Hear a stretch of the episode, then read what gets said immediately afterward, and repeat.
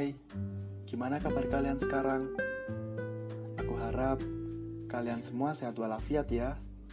Mungkin saat ini kalian sudah ada yang mulai bekerja dengan menerapkan new normal. Tapi pasti ada juga yang masih di rumah aja. Iya kan?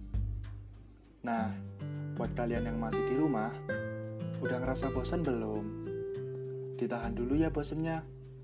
Karena aku yakin kalian itu adalah orang yang kuat.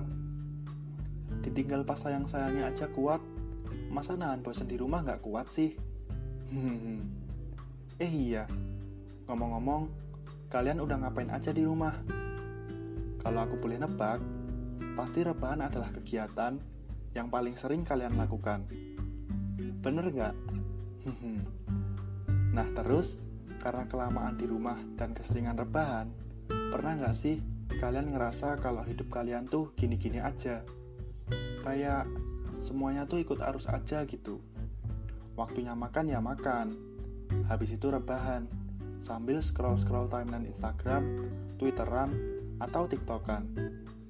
Kalau kalian udah mulai ngerasa kayak gitu, itu berarti udah saatnya kalian keluar dari zona nyaman. Oke, mungkin kalian sudah terlalu nyaman sama rebahan. Tapi coba deh, kalian beraniin diri buat ngelakuin hal yang baru. Aku yakin, kalau sebenarnya kalian udah ada yang kepikiran buat ngelakuin hal baru, tapi belum berani.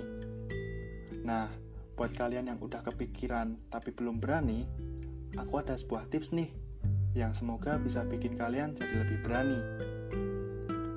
Tipsnya adalah dengan menghadapi ketakutan.